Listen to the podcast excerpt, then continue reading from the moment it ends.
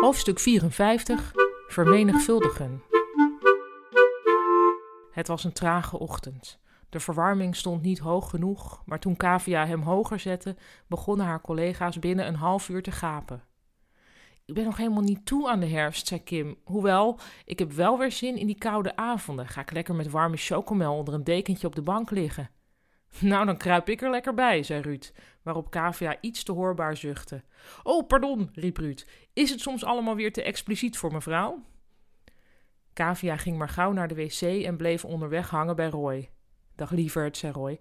De telefoon ging. Met rollende ogen nam hij op, luisterde en verbond door. Mijn bestaan is zinloos, zei hij tegen Kavia. Nou, niet alleen jouw bestaan, maar het bestaan in het algemeen is zinloos, zei Kavia.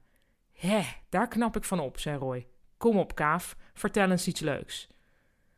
Kavia moest even diep nadenken. Um, nou, ik was gisteren naar de film met een vriendin. Met die drie kinderen? Ja, die. Dus we gingen naar die Woody Allen film en na afloop dronken nog wat. En toen begon ze te vertellen dat ze een vierde kind wil. Een vierde kind? Wat bezielt dat mens? Ik weet het ook niet, maar ze krijgt haar zin toch niet, want haar man vindt drie al te veel. Gelijk heeft hij. Maar ik vond het ook wel zielig. Ze begon te huilen en te zeggen dat een vierde kind altijd een knuffelkind wordt, omdat de rest van het gezin dan toch wel draait. Maar dat slaat toch nergens op? Ze had het gelezen in een glossy. Ik snap sowieso niet waarom iedereen zichzelf maar wil vermenigvuldigen. Ik vind mijn eigen leven als een chaos. Roy keek ongewoon ernstig. En jij, Kaaf, wat wil jij eigenlijk? De telefoon ging weer. Roy nam op. Oké, zei hij. Ja, goed, begrepen.